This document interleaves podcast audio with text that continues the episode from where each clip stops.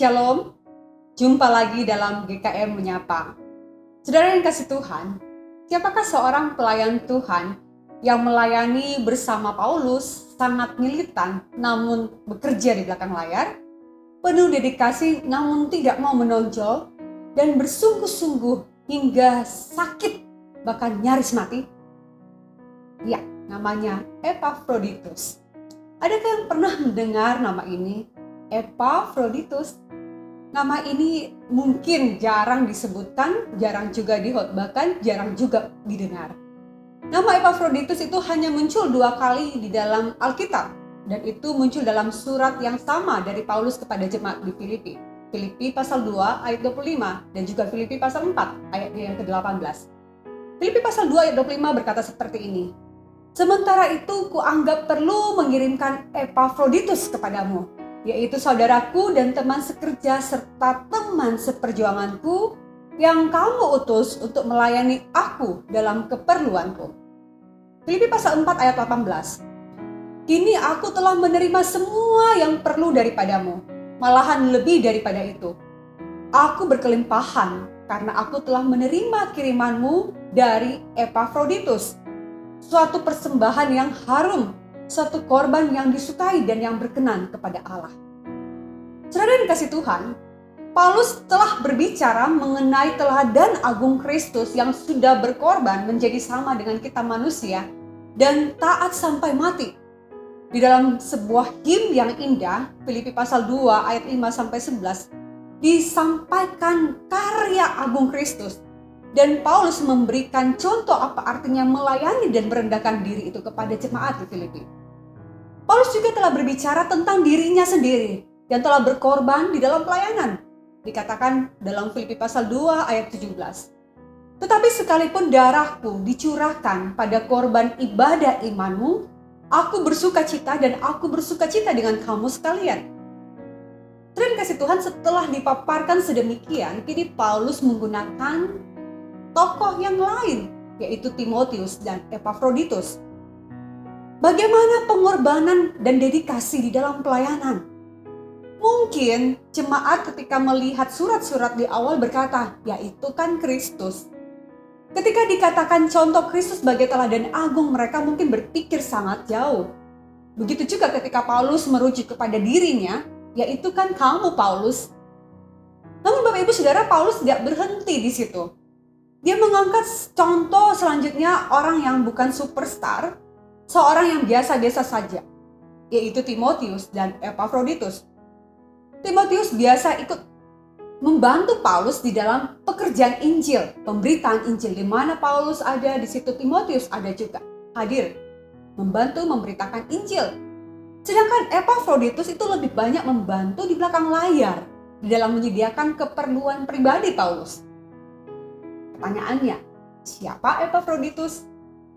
Saudara, Paulus memberi dia tiga sebutan.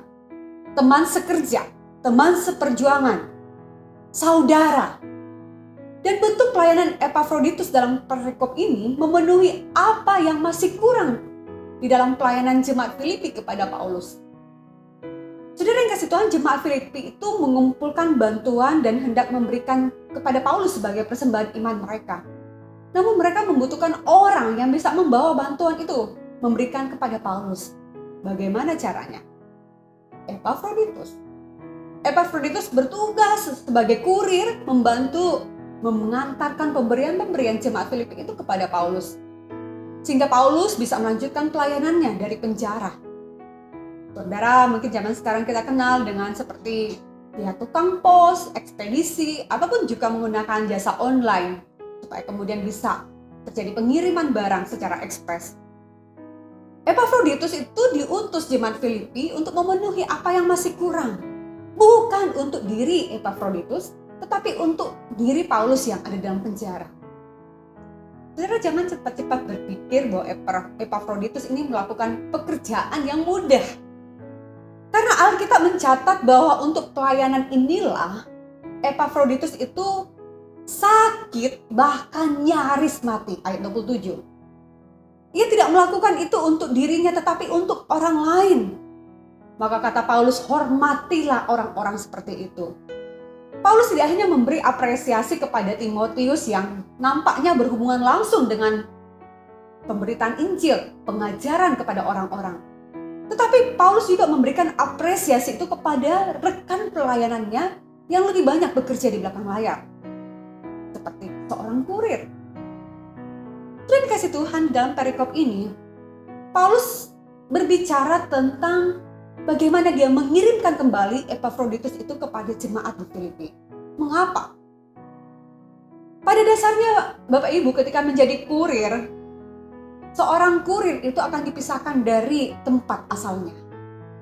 Epaphroditus itu dipisahkan dalam tanda kutip dari gerejanya di Filipi untuk sebuah misi membantu pelayanan dan itu membantu keperluan pribadi Paulus.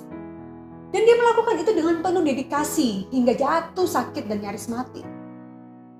Saudara berita Epaphroditus ini sakit bahkan nyaris mati itu terdengar kepada orang-orang di Filipi. Epaphroditus ketika tahu bahwa jemaat yang mengutus dia, yaitu jemaat Filipi, mendengar atau tahu kabar bahwa dia sedang sakit, bahkan nyaris mati, hatinya menjadi susah. Filipi pasal 2 ayat 26 karena ia sangat rindu kepada kamu sekalian dan susah juga hatinya sebab kamu mendengar bahwa ia sakit. Saudara kata susah hati yang digunakan di sini dalam bahasa asli itu kata yang sama. Yang digunakan juga di dalam Injil untuk kesusahan hati Yesus yang sedang berdoa di Getsemani. Jadi Epaphroditus itu tidak mau menyusahkan jemaat. Sehingga dia ingin kembali kepada jemaat Filipi supaya mereka tahu bahwa dia itu baik-baik saja. Selain kasih Tuhan itulah yang terjadi dengan Epaphroditus.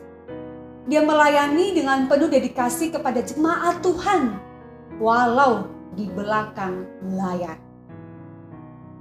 Paulus ingin agar orang-orang Filipi bersuka cita ketika mereka melihat hamba mereka ini pulang, hamba yang setia ini kembali ke jemaat Filipi.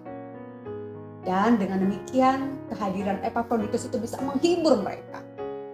Sudah dikasih Tuhan, kita perlu bertanya kepada diri kita sendiri. Sejauh mana dedikasiku di dalam melayani Tuhan? Apakah kita telah bersungguh-sungguh melayani Tuhan? Tuhan telah memberikan dirinya sepenuhnya bagi kita. Tuhan telah bersungguh-sungguh dengan kita. Apakah kita bersungguh-sungguh dengan Tuhan? Seringkali kita ingin melayani Tuhan, ingin dilihat orang. Yang menjadi fokus adalah diri kita, bukan Tuhan. Kita melayani tetapi hati kita menjadi risau, gelisah, mudah kecewa, mudah tersinggung ketika tidak ada pujian, tidak ada apresiasi yang ditujukan kepada kita. Saudara dari kisah Epaphroditus itu kita belajar tiga kualitas utama dalam melayani Tuhan. Pertama, pelayanan yang sungguh-sungguh adalah pelayanan yang tidak takut berkorban. Seperti yang dicontohkan oleh Tuhan Yesus sendiri di atas kayu salib. Kedua, pelayanan itu bukan untuk diri sendiri, tetapi menolong, mendukung, menghibur, memberkati, dan menguatkan orang lain.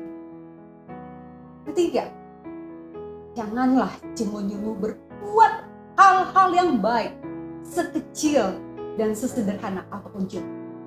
Mungkin kelihatan sepele, tetapi ketika dilakukan dengan penuh dedikasi itu boleh menjadi berkat buat banyak orang. Muliakanlah Tuhan di dalam sekarang, segala perkara seperti Epaphroditus. Lakukanlah segala sesuatu untuk Kristus bahkan mau berkorban, bahkan nyawa nyaris mati. Gereja memerlukan kualitas para hamba Tuhan, para pelayan khusus, para pengurus, para aktivis yang seperti Timotius dan Epaphroditus. Yang walaupun bekerja di belakang layar, tapi melayani dengan penuh dedikasi melayani dengan sehati sepikir, penuh ketulusan. Pertanyaannya, apakah Anda salah satunya?